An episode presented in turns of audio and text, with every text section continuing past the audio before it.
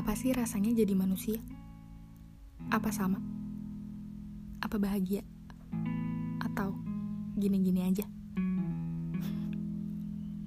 Tapi ya hidup ya kalau di dunia selalu bahagia buat apa? Kemarin aku nyari kontrak hidup aku di mana ya? Aku mau lihat dokumennya gimana. Kan katanya sebelum kita hidup itu kita akan bikin perjanjian.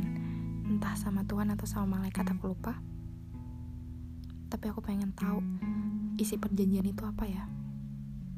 Pasti menguntungkan dong buat aku. Ya kalau nggak menguntungkan kenapa juga dulu aku mau? Tapi aku percaya itu pasti menguntungkan. Walau belum tentu hilalnya di mana. Gak kelihatan soalnya. Hmm. oke. okay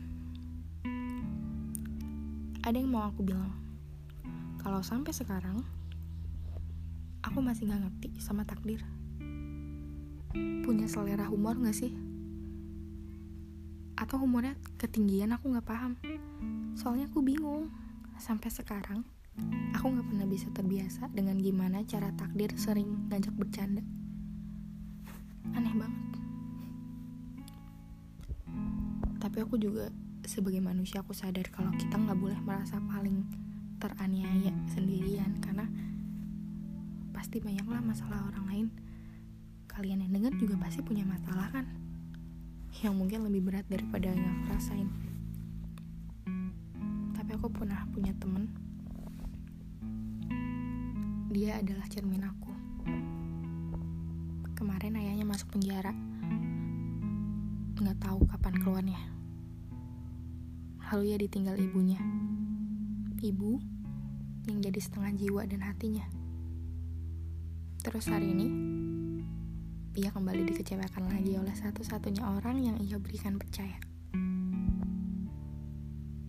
Hidup tuh mau ngajarin dengan cara apa lagi? Bukannya dia udah naik kelas berkali-kali. Dia masih anak kecil, aku juga kadang bingung itu hukumannya untuk apa?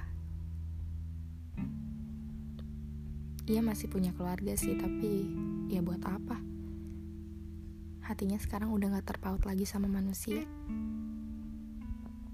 Dia juga anak kecil, tapi siapa sih yang peduli? Toh juga ceritanya lebih gelap daripada cerita manusia dewasa pada umumnya.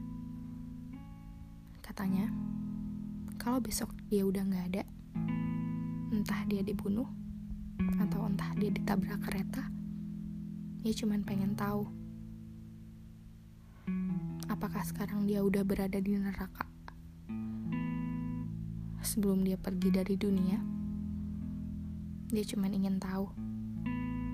Apakah di atas sana nerakanya lebih mengerikan dari yang ia punya sekarang?